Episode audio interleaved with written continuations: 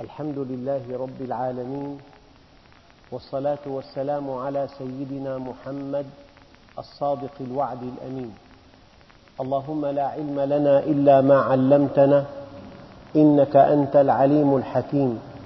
اللهم علمنا ما ينفعنا وانفعنا بما علمتنا وزدنا علما وأرنا الحق حقا وارزقنا اتباعه. وأرنا الباطل باطلا وارزقنا اجتنابه واجعلنا ممن يستمعون القول فيتبعون أحسنه وأدخلنا برحمتك في عبادك الصالحين. أيها الإخوة الكرام سورة اليوم بسم الله الرحمن الرحيم. والسماء ذات البروج. المقياس على الأرض يتلاشى في السماء. يعني محيط الأرض أربعين ألف كيلو متر هذا لا يذكر في السماء إطلاقا. مهما بدت لك القارة واسعة الأبعاد. الاتحاد السوفيتي مثلا يشغل أكبر دولة في العالم من حيث الامتداد. يعني مسافات شاسعة الإنسان إذا كان نظر إلى سوريا على الخارطة يلاقيها مسافة صغيرة جدا. اركاب من دمشق إلى حلب. بتقول طلعت روحنا لو وصلنا خمس ساعات. ما قولك لو كان دولة إلها مسافات شاسعة. جميع أنواع القارات الخمس قارات تشكل خمس الأرض. اليابسة خمس الأرض. جميع المقاييس التي على وجه الأرض تتلاشى في السماء. لا قيمة لها. الزمان في الأرض لا زمان في السماء صفر يعني. والمكان في الأرض لا مكان في السماء صفر. وقد يكون وزن الأرض هذه فكرة جديدة في بالسماء بقع سوداء فيها ضغط شديد جدا. العلماء قدروا أن الأرض لو دخلت في هذه البقعة السوداء لانضغطت حتى تصبح كالبيضة. مين بيصدق؟ الأرض بحجمها الكبير بأنهارها بجبالها بقاراتها قال بعض العلماء بالسماء في بعض النجوم المضغوطة السنتيمتر مكعب يزن مئة مليون طن. السنتي متر مكعب يزن مئة مليون طن. إذا ممكن لو دخلت الأرض في بعض هذه البقع السوداء لانضغطت. بالمناسبة الماء لا ينضغط. يعني لو لو جعلنا متر مكعب من الماء في في مكعب من الحديد الفولاذي السميك ونزلنا على متر المكعب من الماء مكبس فوقه 100 طن ألف طن لا ينضغط الماء ولا سنتي ولا ميلي. الماء لا ينضغط الأرض بكاملها تنضغط وتصبح كالبيضة. فما هذه القوى الضاغطة في هذه البقع السوداء؟ هلأ الماء أراد الماء مجازا أن يتمدد. ما في بالأرض قوة أرضية تستطيع أن تحول بينه وبين التمدد؟ في أكثر من محرك؟ مصنوع من أرقى أنواع المعادن من خلائط في منتهى المتانة والقساوة. إذا الواحد نسي الماء بأيام الصقيع بالمحرك من دون مادة مضادة للتجمد المحرك بيفلع يتشقق ما معنى ذلك؟ أن الماء إذا تمدد ليس في الأرض كلها قوة تمنع تمدده. لا فولاذ ولا صخر الصخر بيتفتت أساسا أحد عوامل تفتت التربة تمدد الماء في أثناء الصقيع. الماء إذا تجمد بيتمدد بيتفتت الصخر. يا تلاحظ بمنطقة جبلية صخور مشققة متسرب ماء إلى داخلها وصار صقيع تمددت الصخر كله. حتى الآن في إحدى الطرق لتقطيع الصخر ثقب ثقوب في الصخر وإدخال ماء ثم تبريده. يطلع الصخر فالماء لا يمكن أن يتمدد. الأرض بما فيها وما عليها ومن فيها لو دخلت هذه البقعة السوداء في في الفضاء لأصبحت كالبيضة. ما هذه القوى؟ شيء لا يعلمه إلا الله. ما هذه القوى المتجاذبة في الفضاء؟ يعني القمر مربوط بالأرض بقوة جاذبية بتعادل كبل فولاذي قطره خمسين كيلومتر. يعني عرض الفولاذ قطره من دمشق مثلا إلى بلودان مثلا أو إلى قرب النبك هذا سخن القطر الفولاذي. فلما ربنا عز وجل بيقول والسماء ذات البروج الإنسان لازم يفكر بالسماء حتى يعرف من هو الله عز وجل. حتى يعرف إذا كان الإله أمر بأمر كيف حتكون استجابتك؟ من أجل أن تعرف إذا وقفت بين يدي الله عز وجل لمن تصلي؟ من تخاطب؟ تقف بين يدي من؟ إذا قرأت القرآن ينبغي أن تعرف هذا كلام من؟ كلام رافع السماء بلا عمد السنة الضوئية كما تعرفون بتعادل عشرة مليون مليون كيلومتر. يعني ما يقطعه الضوء في سنة واحدة بيعادل عشرة مليون مليون كيلومتر. الشيء الغريب أنه لما نحن نشوف نجم بالفضاء نرصده هذا المكان مكان وجوده حين أرسل ضوءه إلينا. الضوء استمر في الطريق ضوء القمر ثانية ضوء الشمس من دقائق ضوء أقرب نجم إلينا. أربع سنوات ضوئية وأربع الأعشار. أقرب مجرة إلينا. بعد عنا 12 ألف سنة ضوئية. يعني هي أرقام العقل قد لا يصدقها. إذا ربنا عز وجل قال والسماء ذات البروج. كلكم يعلم أن الأرض تدور حول الشمس.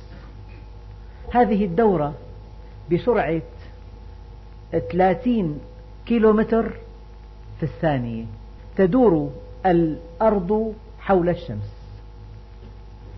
في دورانها حول الشمس. تطوف حولها وتمر على مجموعة نجوم. هذه المجموعات من النجوم تسمى الأبراج.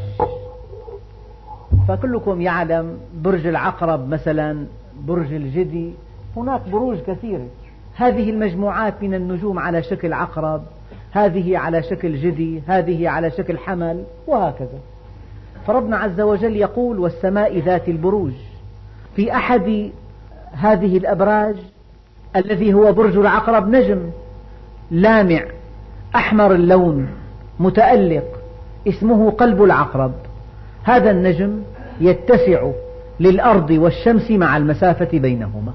بعض العلماء قالوا في السماء المرئية مليون مليون مجرة. هذا أحدث رقم من أحدث مصدر. مليون مليون مجرة. في كل مجرة أكثر من مئة ألف مليون نجم. والسماء ذات البروج.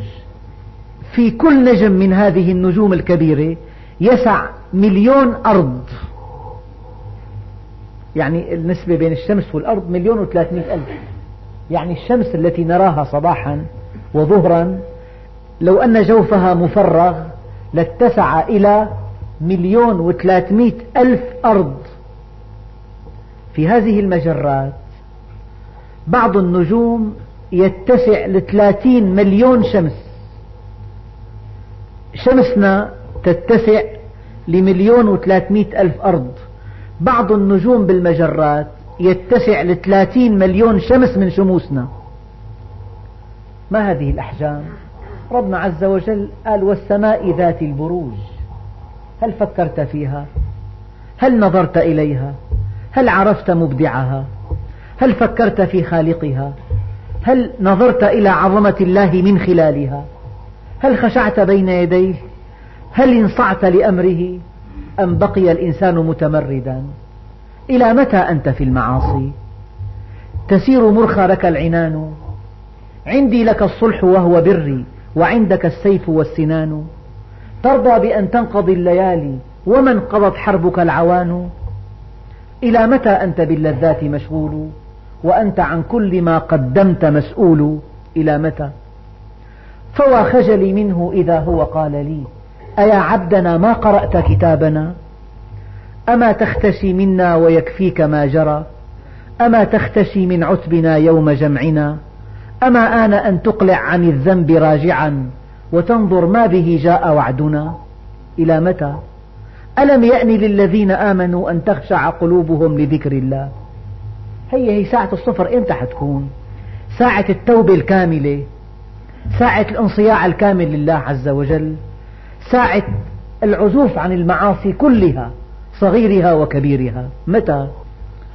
سوف أفعل هذا غدا؟ هلك المسوفون. سوف أفعل هذا في مطلع الصيف؟ بعد أن أؤدي الامتحان؟ بعد أن أتزوج أتوب؟ وما يدريك أنك تصل إلى الزواج وأنت حي؟ من يعلم ذلك؟ يعني في أرقام وفي معلومات سبحان الله. يعني الحديث عنا شيء غير معقول. قد يبدو هذا لبعض الناس. قال في بعض المجرات يحدث فيها انفجار. المجرات والنجوم بتاخذ أرقام أرقام وحروف. قال هي المجرة اللي رمزها ام 84 بيحدث فيها انفجار. هذا الانفجار يعادل قوة انفجار قنبلة هيدروجينية مضروبة بواحد أمام 46 صفر. هلا حكينا قبل شوي على الرقم المذهل مليون مليون. مليون مليون واحد أمامه 12 صفر. إذا كان واحد أمامه 46 صفر ضعف انفجار القنبلة الهيدروجينية. هذا انفجار يحدث في مجرة اسمها M84 مرصد ببعض الدول الأجنبية اسمه بالومار هذا المرصد حتى الآن رصد ألف مليون مجرة. وبكل مجرة من هذه المجرات تقريبا رصد 130 ألف مليون نجم يعني رصد في صور يعني. يعني رصد وصور. أما العين المجردة هذه لا ترى إلا ثلاث مجرات فقط. الأولى اسمها المرأة المسلسلة والثانية اسمها ماجلان الكبرى والثالثة اسمها ماجلان الصغرى. في هذه العين المجردة لا نرى إلا ثلاث مجرات فقط.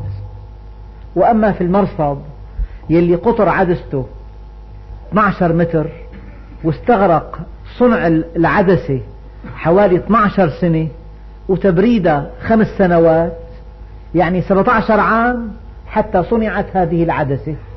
كي ترصد هذه المجرات الواسعة. يعني علم الإنسان ما لم يعلم. ولا يحيطون بشيء من علمه إلا بما شاء هو. ربنا عز وجل سمح لنا أن نعرف حتى الآن هذه الحقائق.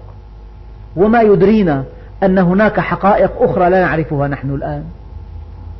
في شيء آخر النجوم العملاقة كما قلت قبل قليل قد يزيد حجم النجم منها على 30 مليون شمس من شموسنا هذه العملاقة.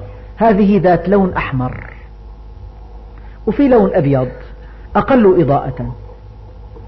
ربنا عز وجل قال والسماء ذات الرجع. مثل إذا قلت لك هلأ بتقدر توصف لي تعطي السيارة وصف ينطبق على جميع السيارات قديمها وحديثها منذ أن صنعت أول سيارة وحتى آخر موديل الكبيرة والصغيرة. الشاحنة وغير الشاحنة والسياحية. ذات المصادر المتعددة والبلدان المتنوعة والطاقة المتعددة. وصف واحد يجمع فيه كل السيارات من دون استثناء. يعني أقدم سيارة وحدة السيارة أكبر سيارة وأصغر سيارة حتى اللعب. وصف واحد السيارة شيء يتحرك. هذا الوصف اللي بيجمع كل أنواع السيارات. فربنا عز وجل يعني أراد أن يصف السماء. ماذا يقول؟ قال والسماء ذات الرجع. يعني بخار الماء يتصاعد إلى السماء فيرجع أمطارا. شيء جميل. والسماء ذات الرجع.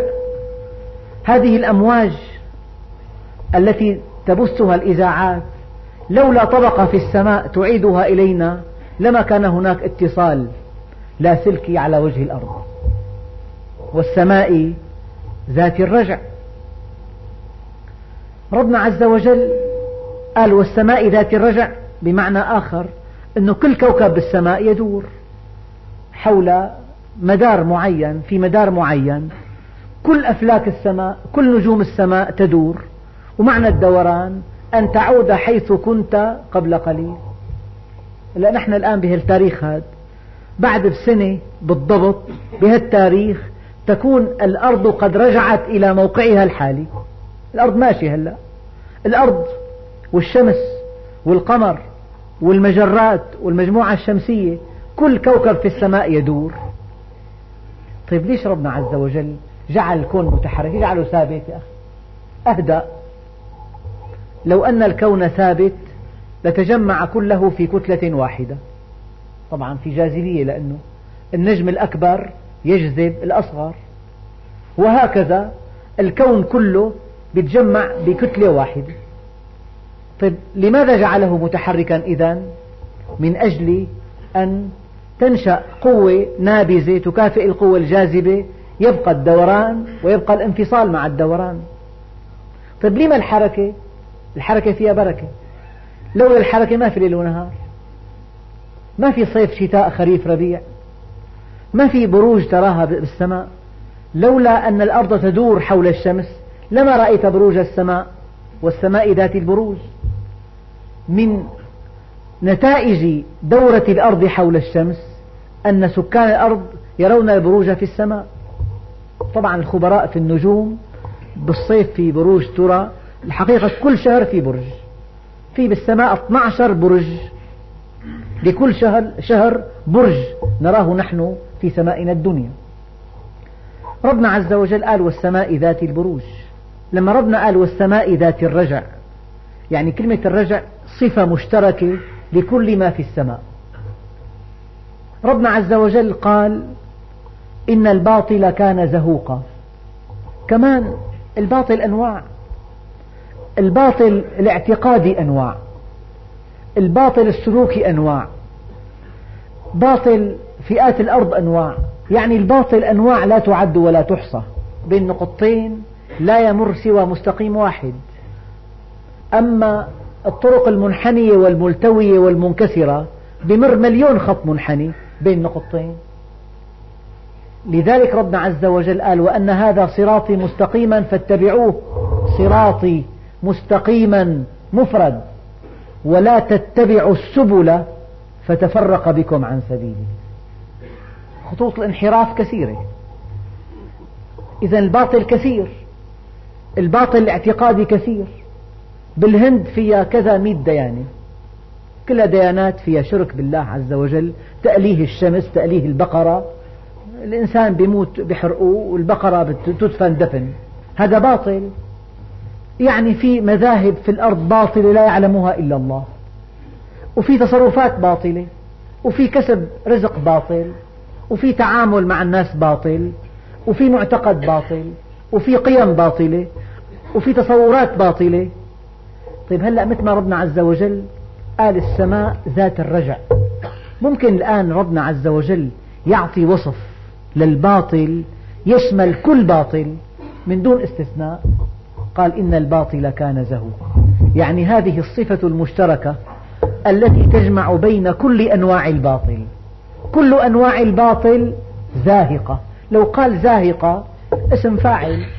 أنت قد تقول فلان كاذب يعني أنت جربت عليه كذبة واحدة. إذا جربت عليه كذبة واحدة فهذا الإنسان كاذب. أما إذا كان كثير الكذب هذا يسمى كذوب على وزن فعول. كذلك ربنا عز وجل ما قال إن الباطل كان زاهقا؟ معنى زاهقا بيزهق مرة واحدة يمكن يتجدد أما إن الباطل كان زهوقا فإذا الواحد ربط مصيره مع الباطل معناه معه مزهوق كمان زاهق ومزهوق معه. أما إذا الإنسان ربط مصيره مع الحق الذي لا يحول ولا يزول يكون في منتهى الذكاء والكياسة إذا ربطت مصيرك مع شيء باطل شيء هو مبدأ هو شخص هو سلوك هو تصرف. إن الباطل كان زهوقا. أما إذا لو إنسان ربط نفسه مع الحق كن للحق عبدا فعبد الحق حر كل شيء هالك إلا وجهه. في معنى كان شيء دقيق جدا. وجدت بالقرآن الكريم 424 كان. الإنسان بيقول لك مثلا أنه الجو ممطر. بعدين بتقول كان الجو ممطرا. يعني أنت نقلت الحدث أو هالإسناد إلى زمن ماضي. لكن إذا كان قرأت قوله تعالى وكان الله عليما حكيما وكان الله على كل شيء مقتدرا وكان فضل الله عليك عظيما إن الله كان بكل شيء عليما هي كان إلى معنى آخر صار. مو معناها المضي. معناها الكون العام الوجود والاستمرار يعني هذا الشيء الذي ربط بهذا الشيء مع فعل كان مترابط معه وجوديا بحيث لو زال هذا الشيء لزال الأصل. إن الله كان عليما حكيما. يعني علمه شيء ثابت وأزلي وقديم وسرمدي. مثل إذا كان شفت ضوء أخضر ممكن تفصل الأخضر عن الضوء؟ ضوء أخضر. هل بإمكانك أن تفصل اللون الأخضر وحده عن الضوء؟ مستحيل. فلما ربنا عز وجل إن الباطل كان زهوقا. يعني أن يكون الباطل زهوقا هذا شيء ثابت فيه. الزهوق مترابط مع الباطل ترابطا وجوديا. حيث كان الباطل فهو زهوق. إن الله كان عليما حكيما. يعني العلم والحكمة شيء ثابت وقديم وأزلي وسرمدي لا زلنا في السماء ذات البروج. ربنا عز وجل لما حدثنا عن السماء ذات البروج بعض العلماء قالوا إن أقرب نجم إلينا بعده عنا أربع سنوات ضوئية. هون في نقطة دقيقة جدا. يعني هالنجم لما بتقول أربع سنوات ضوئية طلع الضوء منه انطلق. في الطريق يستمر أربع سنوات. نحن اليوم شفنا هالنجم بالمرصد. هل تصدقون أن هذا النجم كان قد أصدر ضوءا قبل أربعة سنوات والآن في مكان آخر؟ الآن في مكان آخر قد يكون انفجر قد يكون تحول قد يكون زال. لما صعدوا على القمر يعني بتظنوا أنتم أنه اتبعوا القمر بالضوء ضوءه كاذب أنه ضوءه أنت شايفه هو القمر ماشي بدك تروح لمحل ما حيصل حينما تصل إليه يجب أن تصل إلى مكان وصوله بعد أربعة أيام. في حسابات دقيقة جدا. فهذا النجم يصل ضوءه إلينا بعد أربع سنوات من انطلاق الضوء منه. هذا مقبول يعني أربع سنوات معقول. أما المرأة المسلسلة بعد عنا مليوني سنة ضوئية. يعني إذا كان طلع منها الضوء بيبقى بالطريق مليونين سنة. هلأ إذا كان نحن شفنا بالمرصد المرأة المسلسلة هي الرؤية للمرأة المسلسلة قبل مليونين سنة. هي الآن وين؟ لا يعلم مكانها إلا الله. الآن. الذي نراه في المرصد اليوم ما كان قبل مليوني سنة. وكل التاريخ البشري المقروء سبعة آلاف سنة قبل الميلاد. ما نراه اليوم عن هذه المجرة هو ما كان قبل مليوني سنة. ما هذه العظمة؟ شيء آخر بعض الكازارات الآن كشفوا أنه بعد عن الأرض 12 ألف مليون سنة. القمر ثانية ضوئية الشمس 8 دقائق. أقرب نجم أربع سنوات. أقرب مجرة مليونين سنة. أبعد مجرة من نوع الكازارات 12 ألف مليون سنة. الأغرب من ذلك أن المجموعة الشمسية تدور حول مركز المجرة. ما سرعتها؟ نحن قبل قليل أن الأرض تمشي 30 كيلو متر بالثانية. من نصف ساعة للآن 30 دقيقة. 30 بستين ثانية. ثلاثة في ستة 18 وصفرين. يعني 1800 ثانية. إذا بكل ثانية 30 كيلومتر. 54 ألف كيلومتر. نحن الآن ماشيين 54 ألف كيلومتر. هذه سرعة الأرض حول الشمس. ما قولكم في سرعة المجموعة الشمسية حول مركز المجرة؟ 250 كيلومتر بالثانية. سرعة المجموعة الشمسية حول مركز المجرة. طيب كم تستغرق المجموعة الشمسية في دورانها حول مركز المجرة حتى تصل إلى ما كانت عليه قبل كذا سنة؟ قال 250 مليون سنة. المجموعة الشمسية في دورانها حول مركز المجرة تستغرق 250 مليون سنة. طيب ما سرعة بعض المجرات؟ قال بعض المجرات سرعتها تقترب من سرعة الضوء. يعني حوالي 240 ألف كيلومتر بالثانية. الأرض 30 كيلومتر. المجموعة الشمسية 250 كيلومتر. بعض المجرات الضخمة سرعتها 240 ألف كيلومتر بالثانية. قال لو أن الشيء سار بسرعة الضوء لانقلب ضوءا. لصار ضوء. ومن صفات الضوء أنه كتلته صفر وحجمه لا نهائي. فلو أن إنسانا سار بسرعة الضوء لانقلب إلى ضوء. لذلك الصورة تجميد الزمن والزمن البعد الحركي للأجسام. الجسم الثابت ما في زمن أما المتحرك له زمن. يعني وما أوتيتم من العلم إلا قليلا. هذا اللي الإنسان أدركه في هذا العصر. والشيء الذي يجهله أكثر مما يعلم. والله الذي لا إله إلا هو. قلت قبل يومين كلمة في نفسي. أنه كلما ازداد علم الإنسان بالله ازداد جهلا به. كيف؟ إذا كان عرفت شيء من عظمته بتلاقي ما عرفت شيء استنوه. ما بقي عليك مما تجهله أضعاف مضاعفة مما عرفته. فهلأ بقى نحن بدنا نستفيد من الحقائق هي الآن إذا ربنا عز وجل لك وأقم الصلاة لذكري يا موسى أتحب أن أجلس معك؟ قال كيف ذلك يا رب؟ قال أما علمت أنني جليس من ذكرني؟ لما بتصلي استحضر هذه العظمة هذه الصور عن الكون. تقف أنت بين يديه. لما بيجيك أمر من بشر بيتناقض مع أمر إلهي. اعمل موازنة بين المخلوق والخالق. معقول جندي يسمع كلام عريف ويعصي أمر قائد الفرقة؟ بيكون أحمق. لو تعارضوا بيمشي مع قائد الفرقة لك ذاك بيقدر يحط العريف بالسجن. معقول إنسان يطيع مخلوق في معصية الخالق؟ بيكون لا يعرف الخالق. لمجرد أن تعصي الله عز وجل مطيعا لإنسان فهذه علامة الرسوب في الإيمان. والسماء ذات البروج. لكن ما هذه المناسبة؟ بين السماء ذات البروج وبين اليوم الموعود. يعني يوم القيامة. فربنا عز وجل عم يقول لك والسماء ذات البروج واليوم الموعود. يعني بقدر ما في السماء من عظمة بقدر ما في هذا اليوم الموعود من هول. في انسجام. يكون في توافق. هذا عطف.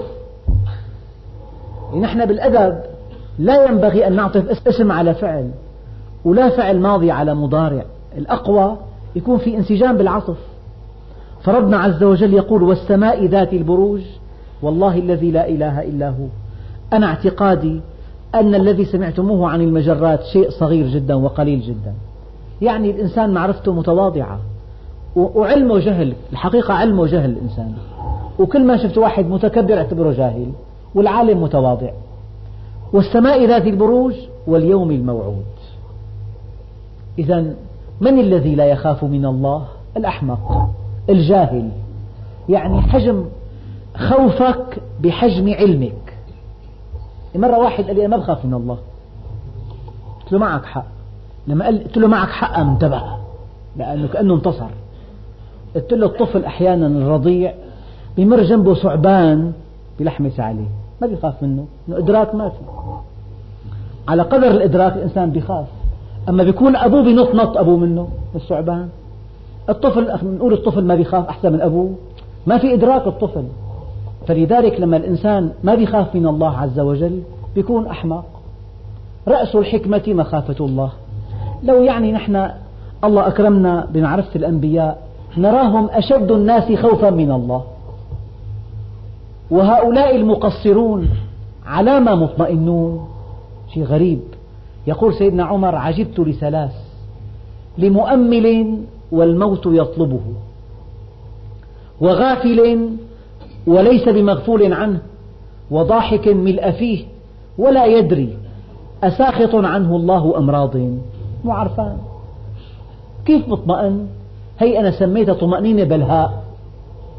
لما الإنسان بيطمئن وما له مستقيم بيطمئن وما له متحقق من دخله بيطمئن وما له مطيع لله عز وجل هذه طمأنينة بلهاء. والسماء ذات البروج واليوم الموعود. بقدر ما في السماء من عظمة بقدر ما في هذا اليوم من هول. لا على المؤمن لا. ولكن على أهل العصيان والفسوق والفجور. في حساب دقيق لأنه. وشاهد ومشهود. قال بعض المفسرين هاتان الكلمتان جمعتا الكون كله. هذا الشيء إما أن يكون شاهدا يعني كائن مدرك أو مشهود يعني الكائنات الحية كلها والجمادات. ما يرى وما يرى وشاهد ومشهود. كما قال الله عز وجل فلا أقسم بما تبصرون وما لا تبصرون. وأسبغ عليكم نعمه ظاهرة وباطنة. والسماء ذات البروج واليوم الموعود وشاهد ومشهود. ثلاث آيات. قتل أصحاب الأخدود. الآن ربنا عز وجل أشار إلى قصة جعلها تسلية لهؤلاء الذين يضطهدون في سبيل الله. هؤلاء الذين يتحملون الصعاب لا لشيء إلا لأنهم عرفوا الله عز وجل وخافوا منه فلم تأخذهم بالله لومة لائم. ليس القرآن الكريم كتاب قصص ولكنه كتاب عبر. فربنا عز وجل كأنه يسلي أصحاب النبي عليه الصلاة والسلام الذين لاقوا من أذى قريش وتعنتها وإخراجها لهم من بلادهم ومحاربتها لهم وتعذيبها إياهم. كأن الله سبحانه وتعالى من طرف خفي وبطريقة غير مباشرة يسلي أصحاب النبي الكريم المعذبين. قال قتل أصحاب الأخدود. النار ذات الوقود. يعني تفصيلات القصة ما بتهمنا كثير بهمنا أنه في قوم ظالمون حفروا أخاديد في الأرض وملأوها نارا مشتعلة وجاءوا بالمؤمنين وعذبوهم في هذه الأخاديد. على مرأى منهم ومسمع من أصواتهم. قتل أصحاب الأخدود النار ذات الوقود. يعني أوقدوها وأضرموها حتى اشتعلت. وألقوا بها المؤمنين حتى احترقوا. ووقفوا يتأملون في تعذيبهم كأنهم يتشفون منهم. لذلك الرومان كانوا عندهم استادات ضخمة كثير. كانوا يجيبوا إنسان يضعوه بالساحة العامة ويخرجوا عليه وحوش ضارية. وكان الرومان يتلذذوا بمرأة موت هؤلاء بين أنياب هذه الوحوش. طبعا القلب القاسي بعيد عن الله عز وجل. قتل أصحاب الأخدود. يعني الله سبحانه وتعالى سيهلكهم. النار ذات الوقود. قتل أصحاب الأخدود النار ذات الوقود إذ هم عليها قعود. يعني قاعدون ينظرون إلى هؤلاء المعذبين لينقعوا غلتهم كما يقول الأدباء.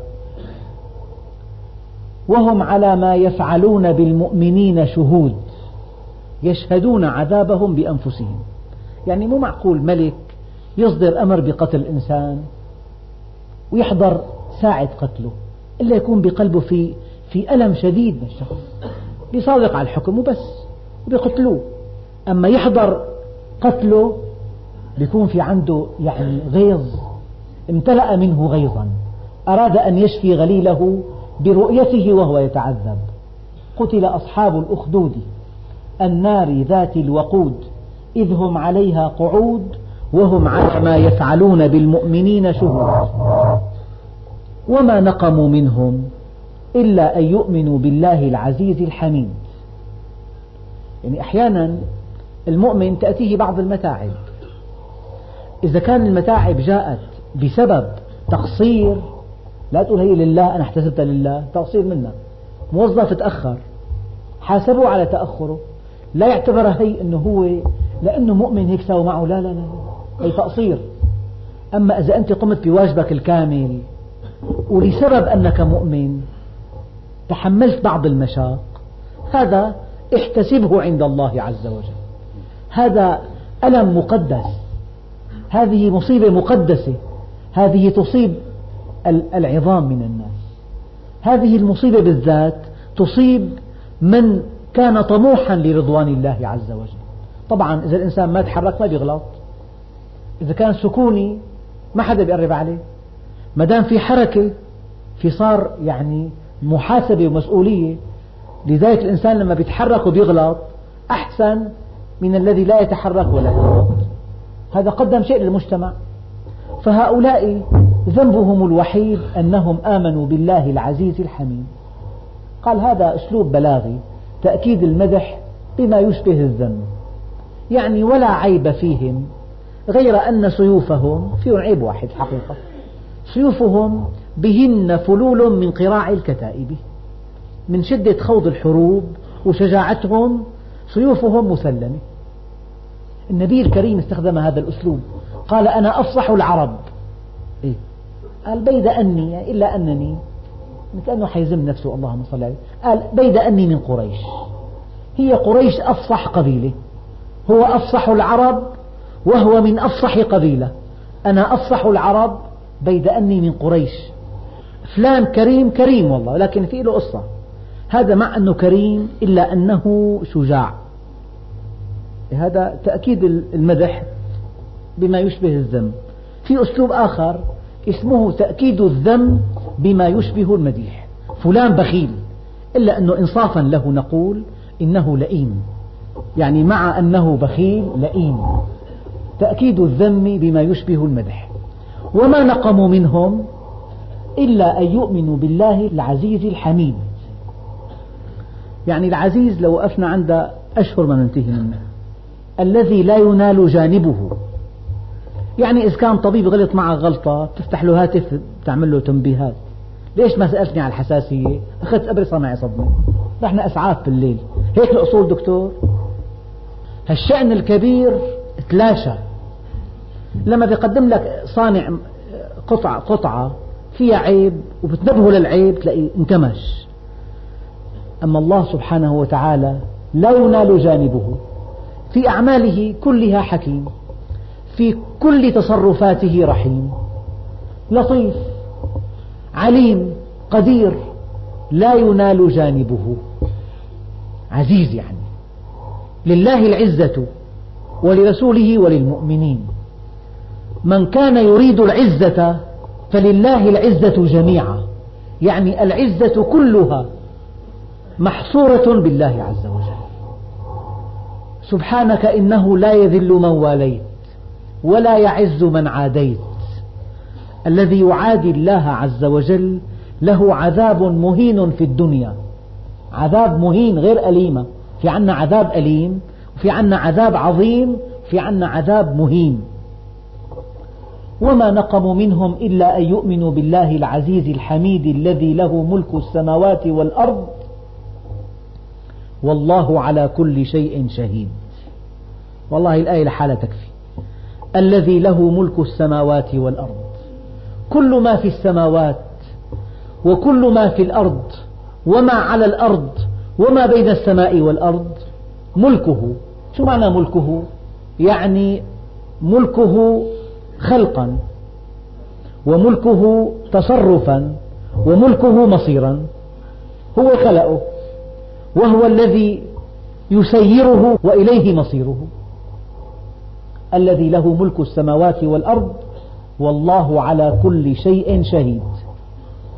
أيام الزوج يقول لك زوجتي ما لها حدا مقطوعة. مين بده يسترجي حاملة؟ اقرأ الآية هي. والله على كل شيء شهيد. أيام البياع بيكون في عليه ضغط بغش البضاعة. يقرأ الآية هي والله على كل شيء شهيد. سيدنا رسول الله اللهم صل عليه رأى أبا ذر الغفاري رضي الله عنه يضرب غلاما له. مر به. فقال اعلم أبا ذر أن الله أقدر منك عليه. أن الله أقدر منك عليه. والله على كل شيء شهيد. شريكين. الله شايف. أخين. جارين موظفين بيجيك مراجع بتكون معاملته بالدرجة الثاني قاعد مرتاح هيك قلت له تعال بكرة. هذا عرفان منين جاي؟ يقوم تحرك جيبها لك هو شو بيعرف؟ بس ما توقعت عن المدير فوق بس ما توقعت. بتحكي على كيفك؟ لكن والله على كل شيء شهيد. احكي ما شئت لكن الله على كل شيء شهيد. لما أنت الآية بتآمن فيها بتنضبط تستقيم. والله على كل شيء شهيد. كل شيء. هي كلمة شيء تشمل كل شيء. كلمة شيء أوسع كلمة تعني عن كل شيء. والله على كل شيء شهيد. يعني حتى أنه الإنسان إذا أدب ابنه بده يتقي الله عز وجل. لأنه ما حدا بيقدر يحاكي ابنه هذا. بيقدر يستغيث لبرا. عم يربي أب عم يربي ابنه. بده كمان يشوف أنه الله على كل شيء شهيد. يعني هالذنب ما بيستاهل الضرب هذا هذا الذنب بحجم بده تأديب من نوع معين. أيام بيغضب الأب بيغضب أيام من زوجته بيصب كل غضبه على ابنه. حتى يلفت نظرها شو ذنبه هذا الصغير بصير أحيانا. والله على كل شيء شهيد. شايفك. إذا كان الغضب زودها في الواحد شايفه. وإذا كان قصر شايف. كان بيشتغل على الوقت على الساعة. إجا لقى المعلم مو جاي. هو إجا ثمانية وثلث. كتب ثمانية. اقرأ الآية هي. والله على كل شيء شهيد. قال له اطلع على السفر اصرف هذا كتب شي كان وشي ما كان. الأوتيل بده 180 بالليلة ما في هي أقل سعر. دفعت 80 فقط. والله على كل شيء شهيد. أيام بتصلي عند واحد سيارتك بيقول لك هي في قطعة منزوعة كبيناها عملنا واحدة جديدة محل أنت ما حتقعد تنبطح تشوفها تحت من تحت. بيكون هو ما حتى صلحها بس ما, ما غير وحدة. والله على كل شيء شهيد. أوعك هي آية فظيعة كثير هي بتدور مع الإنسان مع الموظف مع الصانع مع أصحاب المصالح مع الزوج مع الزوجة مع الشركاء مع المدرسين مع المحامين مع الأطباء مع المهندسين مع القضاة. بتدور مع كل مصلحة والله على كل شيء شهيد. يا بيجيك زبون غشيم. يقول لك هذا زبون مدهن. بعدين لبسناه البضاعة تلبيس. فيها عيوب بأسعار غالية شقف ونتف عطاياها. والله على كل شيء شهيد. يعني واحد قال لي عندي سيارة بعتها. فيها عيب خطير لبستها لواحد بسعر غالي. والله قال لي هذا الكلام وهو مزهو أنا شعرت أنه في قدامه شيء هذا. طلع اشترى سيارة جديدة. كان بطرطوس في سيارات جاب سيارة ثانية سادس يوم ساوى حادث. والله على كل شيء شهيد. يعني لما الإنسان بيظن حاله كسب في معصية الله هذا منتهى الحمق والغباء. معصية الله عز وجل كلها خسارة. وطاعة الله عز وجل كلها ربح. وما نقموا منهم إلا أن يؤمنوا بالله العزيز الحميد الذي له ملك السماوات والأرض والله على كل شيء شهيد. إن الذين فتنوا المؤمنين والمؤمنات ثم لم يتوبوا. هؤلاء الذين فتنوهم وعذبوهم واضطهدوهم وأحرقوهم ثم لم يتوبوا فلهم عذاب جهنم ولهم عذاب الحريق. بعض المفسرين قالوا عذاب جهنم هو نفسه عذاب الحريق. قد يقول قائل إذا كان عذاب جهنم هو نفسه عذاب الحريق. فلم قال الله عز وجل لهم عذاب جهنم ولهم عذاب الحريق؟ العطف كما قال بعض علماء النحو يقتضي المغايرة. العطف يقتضي المغايرة. هل تقول جاء أحمد وأحمد هو نفس أحمد؟ معقول. إن قل جاء أحمد وأحمد يكون أحمد هذا غير أحمد هذا. اثنين اسمهم أحمد. نسيان كنيتون. جاء أحمد تعرفوا أحمد الثاني اللي هو أحمد. ما دام في عطف في مغايرة. فربنا عز وجل قال لهم عذاب جهنم ولهم عذاب الحريق. بعض العلماء استنبط من هذه الآية أنه في عذاب نفسي وفي عذاب جسدي. في عذاب الحريق وفي عذاب نفسي. وفي أحاديث تؤكد هذا المعنى. إن الذين فتنوا المؤمنين والمؤمنات ثم لم يتوبوا فلهم عذاب جهنم ولهم عذاب الحريق. يعني كلام الله حق. ومن لم يخف من وعيد الله فهو أحمق. والعبرة ما سيكون بعد الموت. وقد قال الإمام علي كرم الله وجهه الغنى والفقر بعد العرض على الله. بعد العرض على الله لك أن تقول أنا غني أو فقير. أما في هذه الدنيا لا قيمة للمال إذا كثر ولا عبرة للمال إذا قل. العبرة للعمل الصالح. يعني ممكن نستنبط من هذه الآيات الترابط بين السماء ذات البروج واليوم الموعود. بقدر ما في السماء من عظمة بقدر ما في يوم القيامة من هول. والشيء الآخر أن الله على كل شيء شهيد. هذه الآية اجعلها شعارا لك. في كل حركاتك وسكناتك في بيتك من لم يكن له ورع يصده عن معصية الله إذا خلا لم يعبأ الله بشيء من عمله. ركعتان من ورع خير من ألف ركعة من مخلط الفكرة الثالثة أن الباطل زهوق. فإذا الإنسان ربط نفسه مع الباطل فهو هالك مثل الباطل. أما إذا ربط نفسه مع الحق الحق أبدي سرمدي. حتى لو جاء الموت تنتقل إلى حياة أجمل وأسعد وأكرم. قيل ادخل الجنة قال يا ليت قومي يعلمون بما غفر لي ربي. وجعلني من المكرمين. إن الذين قالوا ربنا الله ثم استقاموا تتنزل عليهم الملائكة ألا تخافوا ولا تحزنوا وأبشروا بالجنة التي كنتم توعدون. والحمد لله رب العالمين.